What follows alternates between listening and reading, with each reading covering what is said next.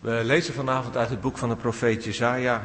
Het uh, hoofdstuk, eigenlijk het lied is dat, of in ieder geval een gedicht over de knecht van de Heer, de dienaar van de Heer. Dat is het in, uh, vanaf Jezaja 40 zijn er vier van die liederen. En dit is het vierde over de leidende knecht van de Heer. En dat vinden we in Jezaja 53, maar het lied begint iets eerder, 52 vers 13 en we lezen het tot het einde van hoofdstuk 53. En we sluiten aan bij de lezing door Psalm 22 te zingen uit de nieuwe berijming, de versen 1 en 12. Jezaja 52, vers 13. Zie, mijn knecht zal verstandig handelen.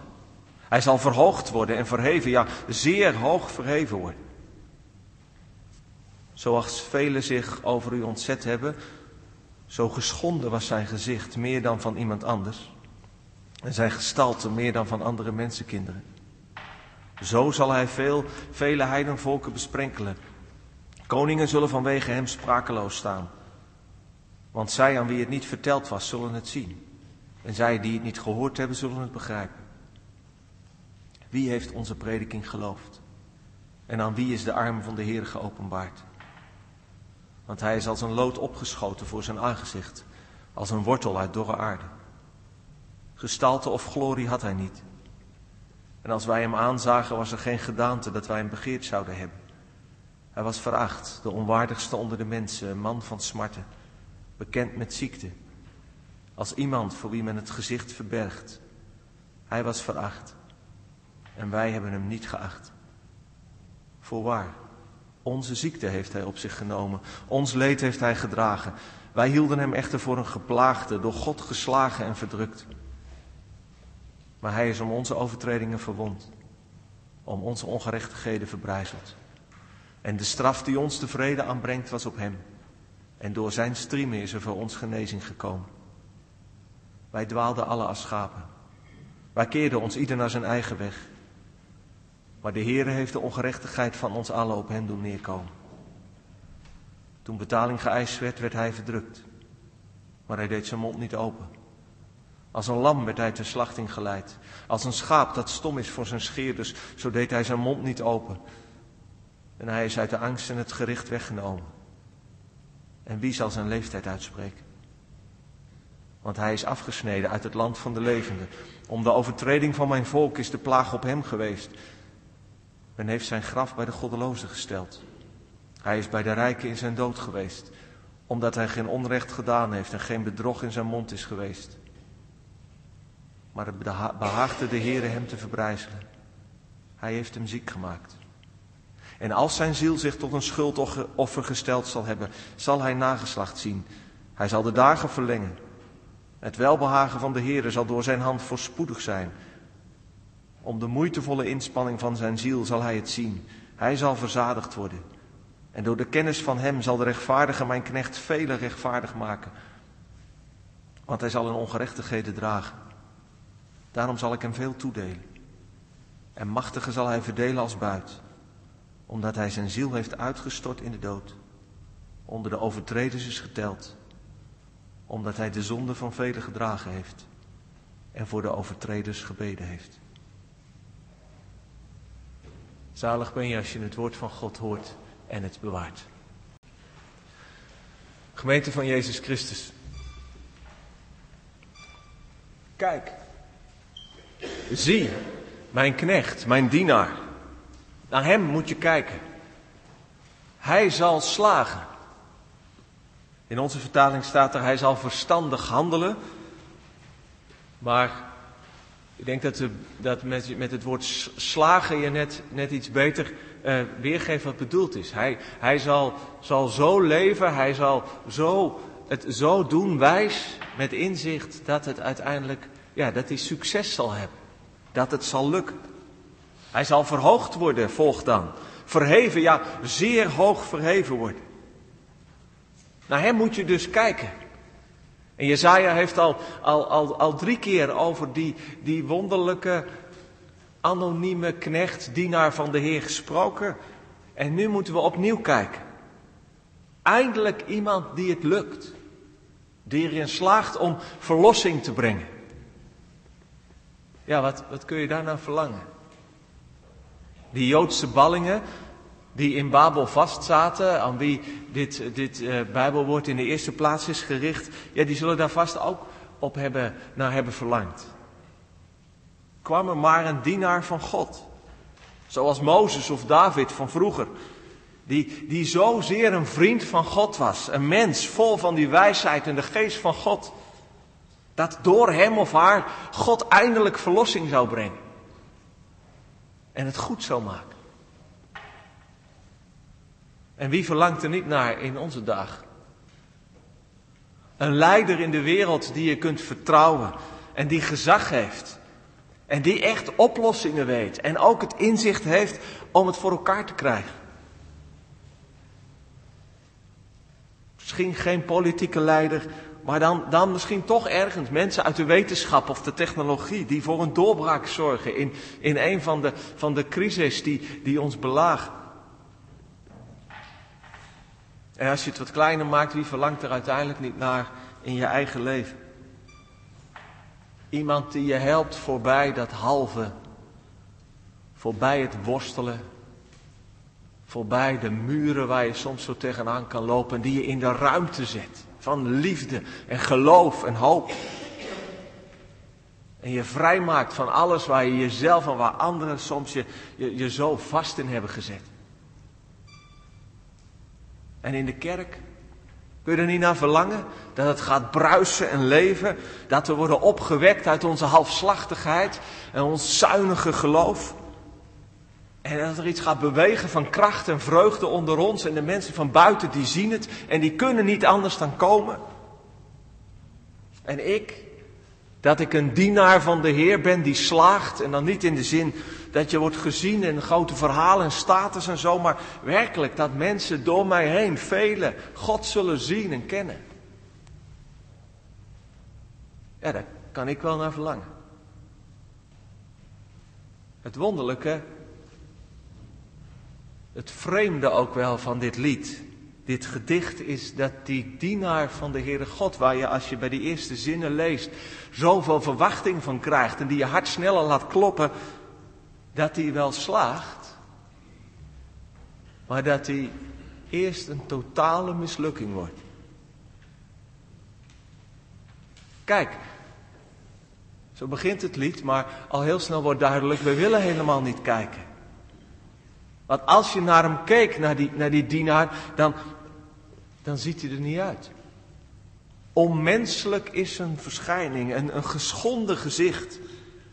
Helemaal geen koninklijke gestalte, niks van menselijke pracht en schoonheid waar wij zo door worden aangetrokken. Hij is als een plantje dat, dat, dat uit de grond opschiet, zo'n zo'n scheut, een wortel. En Jezaja had het eerder gezegd in hoofdstuk 11, dat er uit die afgehouwen tronk van het koningshuis van David, dat er weer een nieuwe tak zal komen. Een zoon van David. En, en net als David zou dat een prachtige, een charismatische koninklijke verschijning zijn. Vol van de geest van God. In alles zou God hem laten slagen. En de mensen zouden net als voor die jonge David en masse voor hem vallen. Maar deze die groeit uit dorre aarde. En wie van jullie heel klein beetje weet van tuinieren, die weet uit schalig grond dat wordt niet veel. Als je naar hem keek, dan liepen de rillingen over je rug. Je sloeg je handen voor ogen. Je wilde je keek weg. Zo zag hij eruit. Een veracht, waardeloos, verloren mens. Een mens die ziek was. Verwond, lijdend. En het, in het lied dus heb je steeds die stemmen van, we moeten die, over die dienaar, maar ook hoe wij reageren. En ze zeggen het eerlijk, wij, wij zagen in hem geen dienaar van de Heer. Nee. Want ja, dan denk je, dat is iemand die gezegend is. Dit was een, eerder een, een door God vervloekt mens. En zijn einde was ronduit tragisch. Helemaal in lijn met zijn leven. Door een oneerlijk oordeel. In onze vertaling staat uit de angst en het gericht. Maar je kunt ook vertalen uit een vals, door een vals oordeel werd hij veroordeeld tot de dood. En als een misdadiger werd hij uit de samenleving verstoten. Zijn graf in een hoekje van de begraafplaats bij de andere outcasts. De misdadigers, de rijke mafiosi.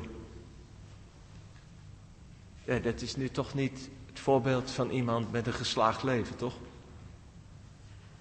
En ook niet van een held of een redder van God. En toch, in vers 4, voorwaar. Echt, je zou het niet zeggen, maar, maar toch is hij de knecht van de Heere God. Want hij nam onze zonde en ziekte op zich.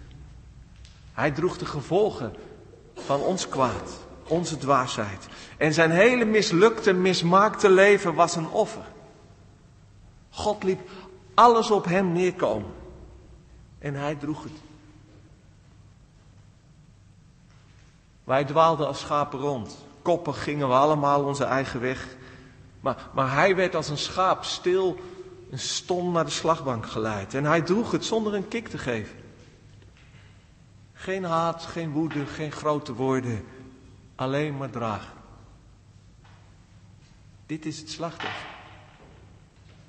Dit is het lam van God. Waardoor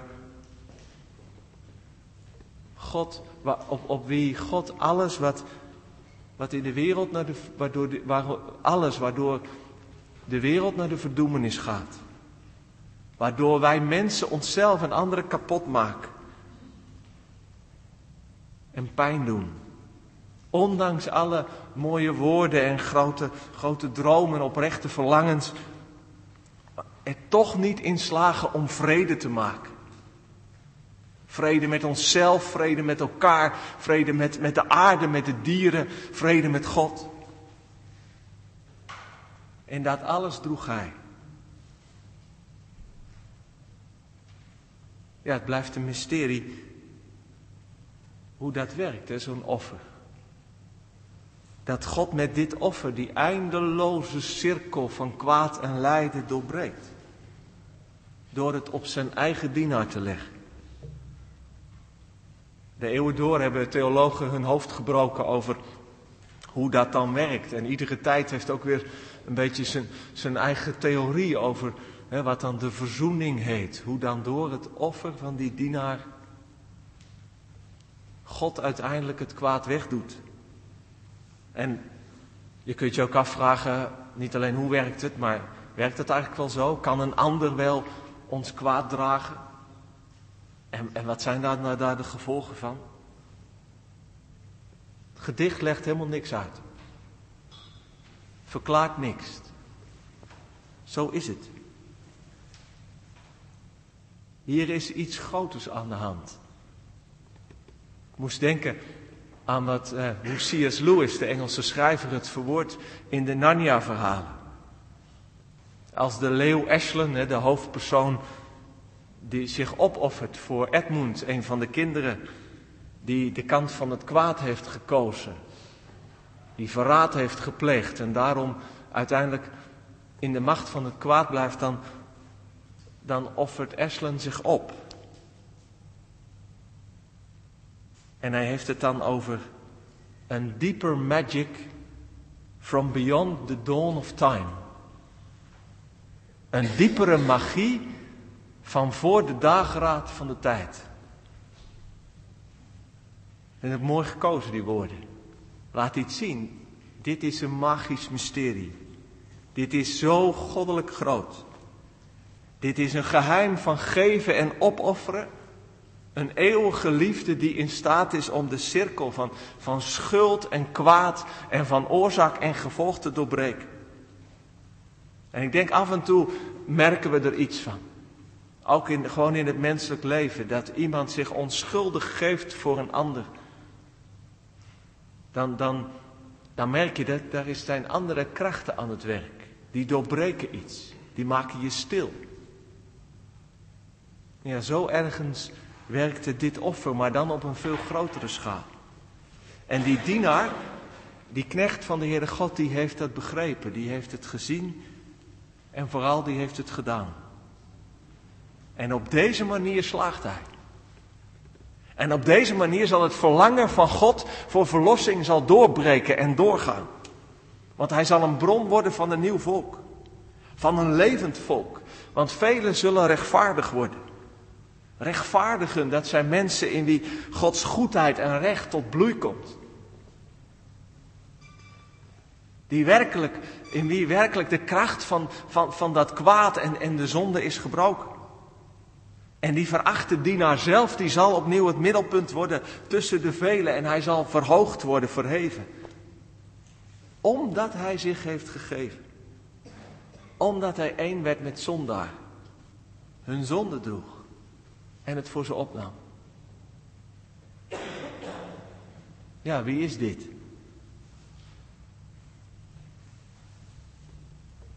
Hij lijkt niet echt op Mark Rutte. En ook niet op Kees van der Staaij of Gertjan Segers. Enkele hoofdstukken terug heeft God de Persische koning Kores, de grote, zeg maar een beetje de, de, de grote heerser van, van, van die tijd, heeft God zijn dienaar genoemd, door wie God verlossing brengt. Die ballingen zullen door Kores terug mogen naar Jeruzalem. Maar dat is een tijdelijke maatregel zou je kunnen zeggen. Dat is een van de dienaren die God gebruikt. Maar hier, dit is werkelijk de dienaar in wie God zijn verlossing doorzet. En dat is van een andere orde dan politieke leiders of, of, of de, de machtige en de grote van de wereld. En dat is maar goed ook. Maar wie is hij dan? Nou, Joodse uitleggers die zeggen dat die dienaar niet een persoon is, maar dat hij staat voor het Joodse volk. Even terug wordt het Joodse volk ook de knecht, de dienaar van de, van de Heere God genoemd. En het heeft veel geleden. En het is ergens ook de belofte van God dat het tot zegen zal zijn van de hele aarde, van alle volken. Maar toch lijkt het hier te gaan over een, een persoon. Eén persoon die, die voor het hele volk leidt. Ja, is het dan Mozes? Of een, een nieuwe profeet? Ja, wij fluisteren natuurlijk. Het is Jezus. De gekruisigde, want die lijkt toch wel heel veel op deze knecht van God. En we fluisteren dat, want als je het triomfantelijk zegt, hè, zie je wel, het is Jezus. Of als je het zonder verwondering zegt, ja, natuurlijk, hè, alsof de gewoonste zaak van de wereld is. Natuurlijk, het is Jezus en die is voor mijn zonde gestorven. Halleluja. Ja, dan heb je het nog niet goed begrepen. Wie heeft onze prediking geloofd? Wie heeft geloofd wat wij gehoord hebben? Aan wie is de arm van God geopenbaard? Zo begint het in hoofdstuk 53. Ja, dat is ergens de vraag, wie, wie, wie heeft dat door? Dat God op deze manier, wie heeft het begrepen? Dat God door die verachte, leidende figuur, dat die zo machtig en krachtig zijn verlossing doorzet. Wij zagen het niet. Wij hielden hem voor een vervloekte. Maar als je ogen open gaan, als je maar iets begint te snappen van dit wonder, dan besef je denk ik dat het goed nieuws is. Dat het echt goed nieuws is. Voor de zondaars in de eerste plaats. Voor mensen die beseffen dat ze falen. Dat ze niet meevallen. Dat zij het probleem zijn. En dat ze zichzelf niet kunnen redden. En ik weet dat het voor sommigen een beetje eng en een beetje benauwend klinkt. Zondaars, zonde. Oh nee, gaan we het daar nu weer over hebben? En ik weet ook dat je er misschien een beetje bang van bent. Kunt zijn. Of zelfs wat depressief van kan worden. En dat het misbruikt is of nog steeds misbruikt wordt om, om mensen klein en afhankelijk te maken. Een soort van hel- en verdoemenisprediking. Ja, er zijn momenten geweest dat ik ook gedacht heb, ik, ik kap ermee met al dat zonde en kruischristendom. Voor mij hoeft het niet meer. Maar, maar het lukt me niet. Omdat ik altijd weer tegen mijn zonde aanloop. En hoe goed, hoe bevrijdend is het dan gemeente, als je dan niet meer naar jezelf moet kijken, maar dat je hoort dat iemand zegt, kijk, mijn dienaar, die ook jouw hardnekkige, dwaze gedwaal op zich heeft genomen. Die het voor je opneemt, notabene. Die voor je bidt.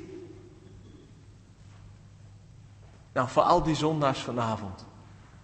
Stop met kijken naar jezelf. Of dat nu met schaamte is, of met, met frustratie, of misschien met een soort, soort half idee dat het ook nog vroom is. Stop met kijken naar jezelf. En kijk naar Hem.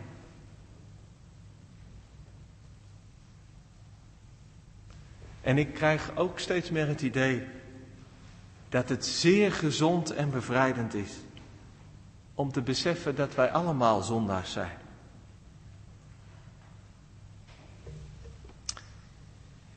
Hier in, in, uh, in Jezaja er zit een soort, soort, soort, soort opbouw van die ballingen die zitten vast.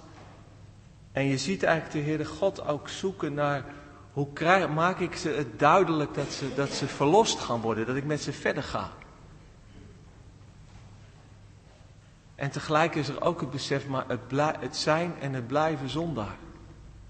Wordt het nog wel wat?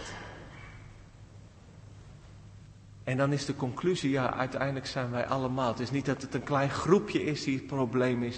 Het is niet dat als, er, nou ja, als, als, als, als wij dan maar ons best doen, dat het wel weer goed komt. Nee, uiteindelijk blijven wij, zijn we en blijven we allemaal zondaar.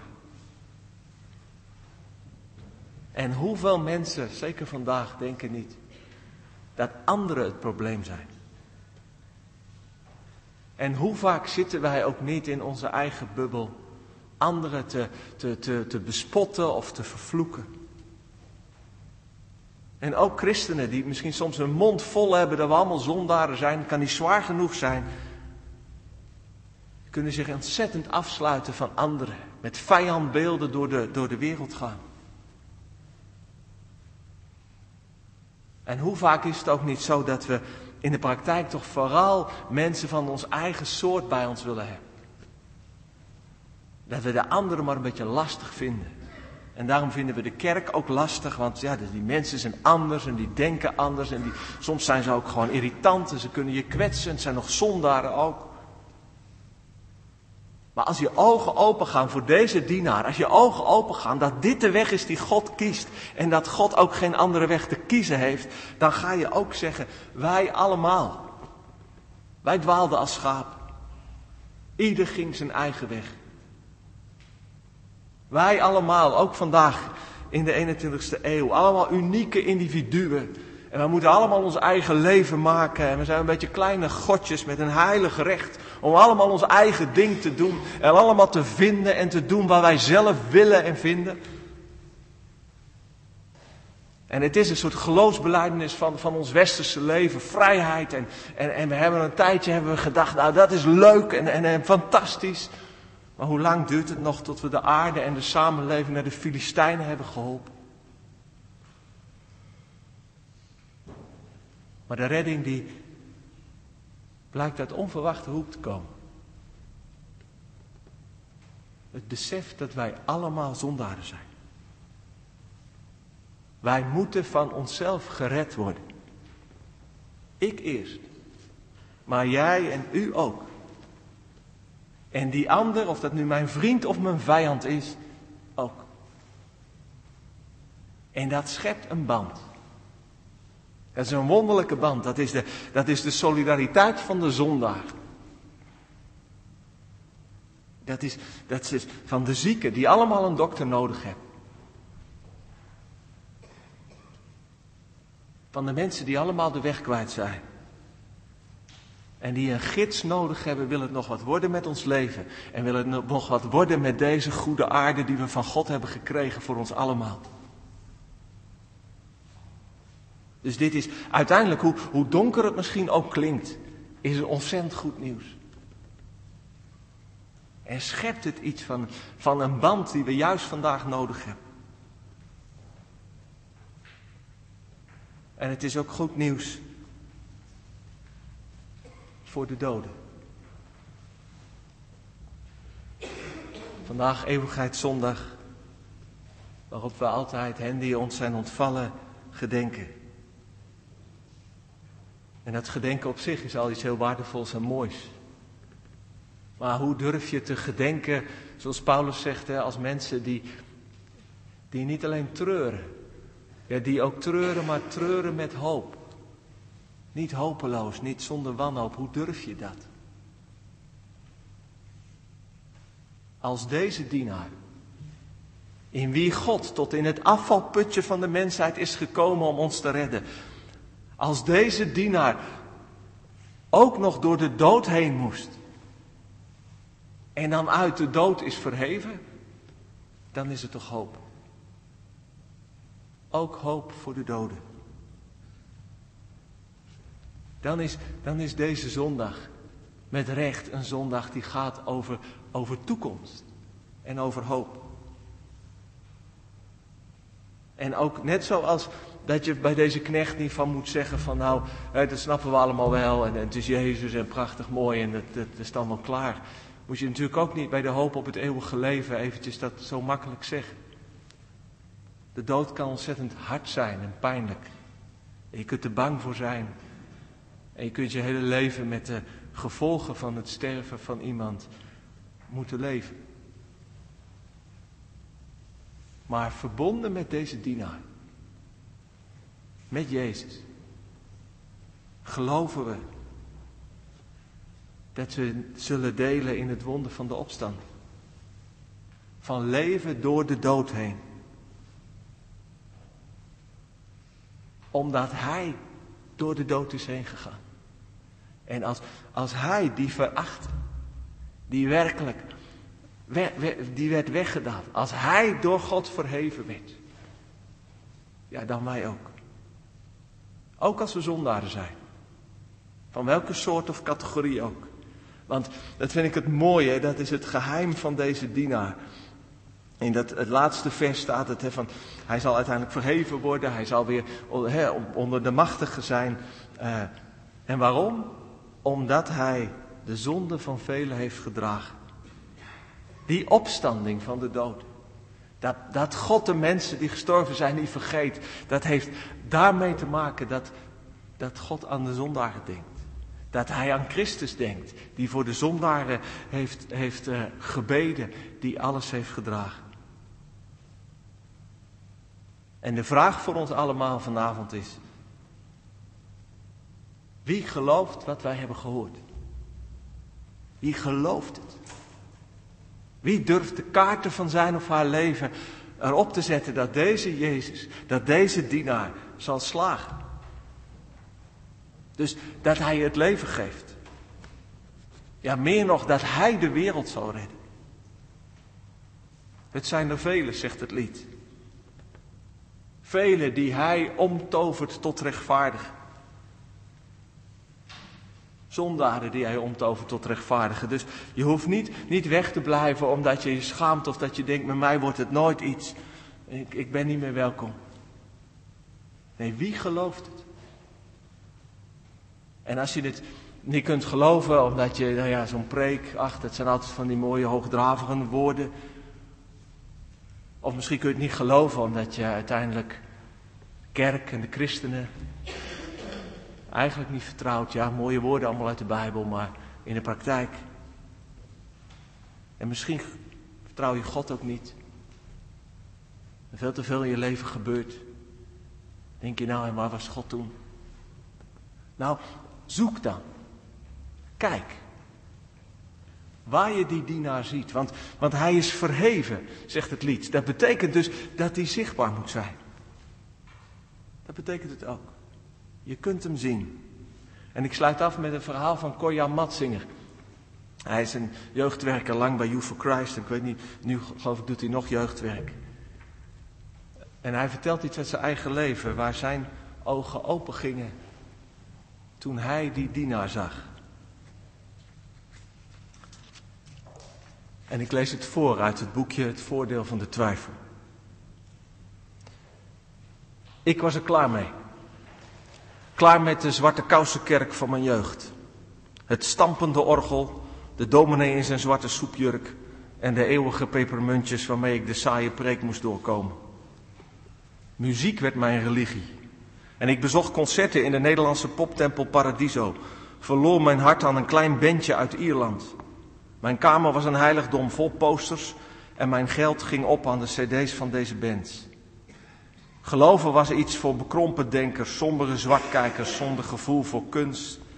Het ritme van de tijd ging hopeloos aan hen voorbij. Het ging mij om kunst, de poëzie van 3FM. En ik bezocht mijn eerste concert van U2 in de Rotterdamse Kuip. En ik keek er naar uit. Bono beklom met zijn plateauzolen het podium. En het was zoals gehoopt fantastisch. En toen, halverwege het optreden, begon de Ierse zanger te preken. Zoals alleen hij dit kon. En ik hing aan zijn lippen. Mijn idool ging orakelen. Wat zei hij? Stop met het volgen van je zelfgemaakte goden. Ga op zoek naar de waarheid. Verward schudde ik mijn hoofd. Want Bono zelf was mijn God. En mijn zelfgemaakte God gaf me het advies om verder te zoeken. Ik ontmoette God uiteindelijk in de ogen van een stervende vrouw. De moeder van mijn vriendin lag op sterven. Botkanker sloopte haar lijf.